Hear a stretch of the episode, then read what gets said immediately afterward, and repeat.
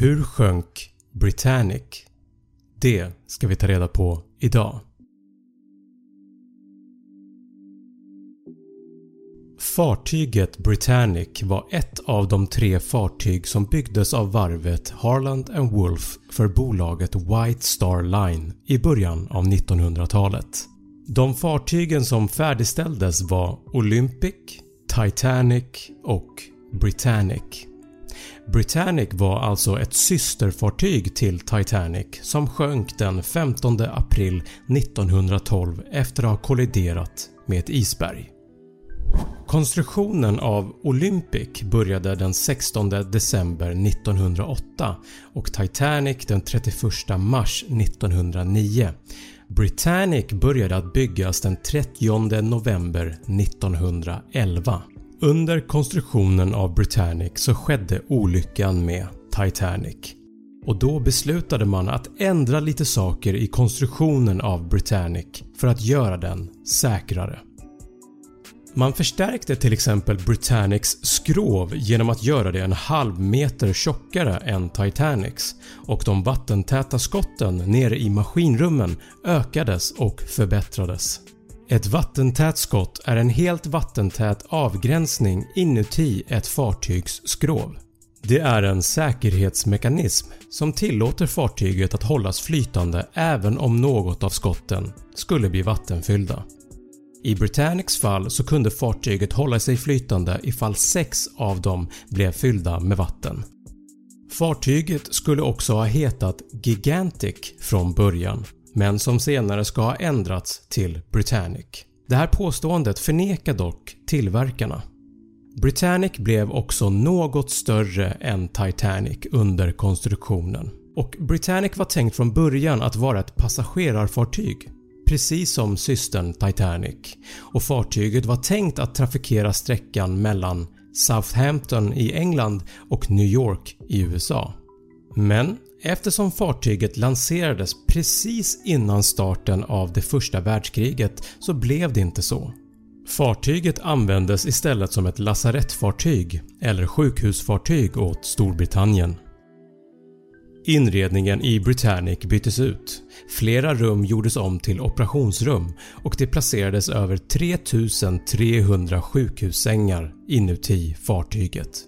Britannic målades också om med stora röda kors och en grön horisontell linje längs hela fartyget och samtidigt så döptes fartyget om till HMHS Britannic som står för His Majesty's Hospital Ship. Nu blev istället Britannics uppgift att ta hand om skadade soldater och få hem skadade soldater under kriget och agerade kort och gott som ett flytande sjukhus. Man följde en strikt rutin ombord på skeppet. Klockan 06.00 på morgonen så väcktes alla patienter och rummen städades. Frukost serverades klockan 06.30 och sen gick kaptenen runt och genomförde en inspektion av skeppet. Lunch serverades 12.30 och man hade även en liten tepaus klockan 16.30. Patienterna behandlades mellan måltiderna och de som ville kunde gå promenader på skeppet. Klockan 20.30 så var det läggdags för samtliga patienter och kaptenen gjorde en sista inspektion för dagen. Efter att fartyget genomfört fem stycken framgångsrika resor fram och tillbaka med sjuka och skadade patienter genom medelhavet så förberedde sig Britannic för en sjätte resa till medelhavet till en grekisk ö som heter Lemnos. Britannic lämnade hamnen i Southampton klockan 14.23 den 12 november 1916. Ombord var det 1066 personer som inkluderade 673 besättningsmän, 315 soldater, 77 sjuksköterskor och kaptenen.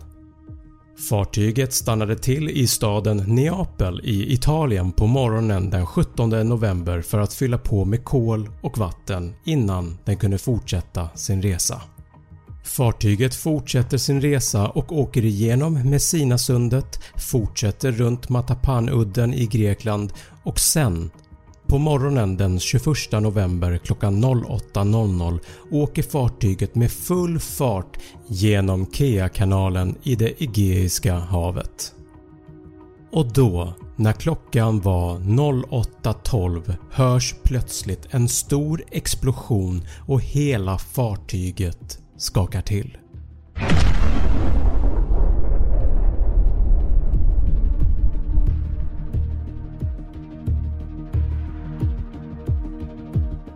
Hade man kört på en annan båt? Var det en torped från en ubåt? Eller var det en sjömina? Oavsett vad det var så dröjde det inte länge innan det blev panik ombord. Explosionen hade skapat ett stort hål i skrovet och fyra av de vattentäta skotten började snabbt att fyllas med vatten. Kaptenen på Britannic skickade ut en SOS-signal och beordrade sina män att förbereda livbåtarna. Nödsignalen fångades snabbt upp av närliggande fartyg. Bland annat fartyget HMS Scourge och HMS Heroic men Britannic fick inget svar. Kaptenen var omedveten om att kraften av explosionen hade gjort så att antennlinan som var fäst mellan skeppets master hade gått av.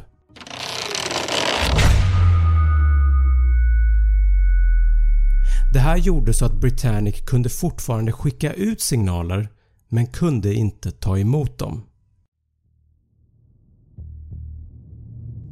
Fem av de vattentäta skotten hade nu fyllts med vatten och Britannic började att nå sin gräns för att hålla sig flytande.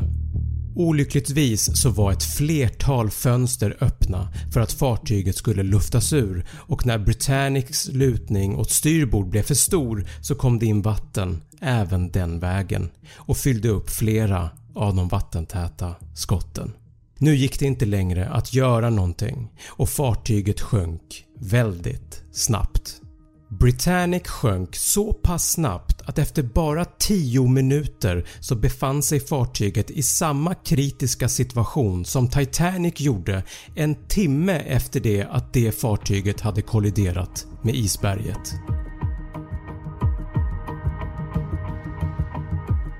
Med den grekiska ön Kia till höger om skeppet så försökte kaptenen att styra Britannic så nära ön han kunde i förhoppningen om att han skulle kunna stranda fartyget.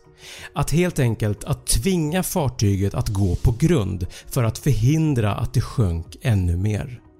Den här manövern fick fartyget att luta mer och mer och besättningen ombord började nu att bli oroade att lutningen skulle bli för stor så de bestämde sig för att hissa ner livbåtarna utan att invänta order att göra det. Kaptenen bestämmer sig för att stanna fartyget och slå av motorn. Men innan han hinner att göra det så har två livbåtar redan placerats i vattnet. Fartygets propeller som fortfarande var igång och som delvis var över vattenytan fick livbåtarna att dras mot den och livbåtarna tillsammans med passagerarna sögs in i propellern.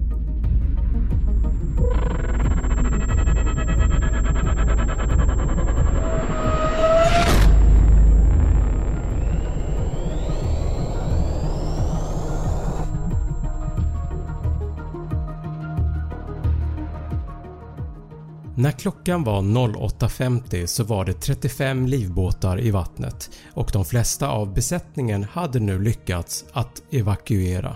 När klockan var 09.00 beordrade kaptenen att resten av besättningen skulle nu överge skeppet. Och när klockan var 09.07 var hela Britannic under vattenytan. Bara 55 minuter efter explosionen.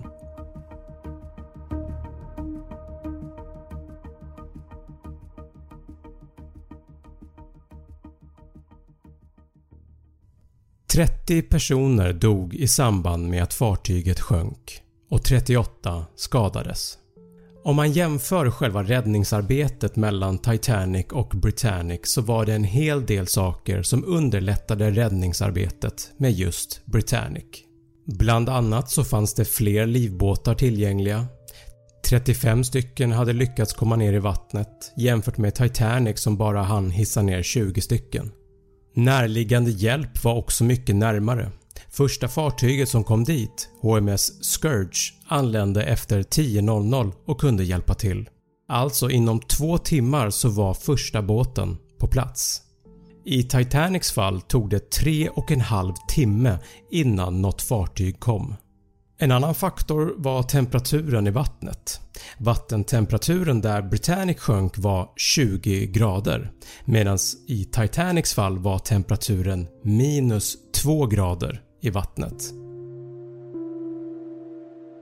Det har spekulerats mycket i efterhand om vad som egentligen orsakade explosionen. Var det en torped från en ubåt eller var det en sjömina?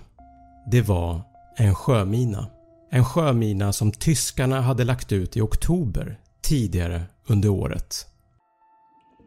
Vraket av Britannic lokaliserades först 1976 på cirka 120 meters djup och ligger kvar där än idag.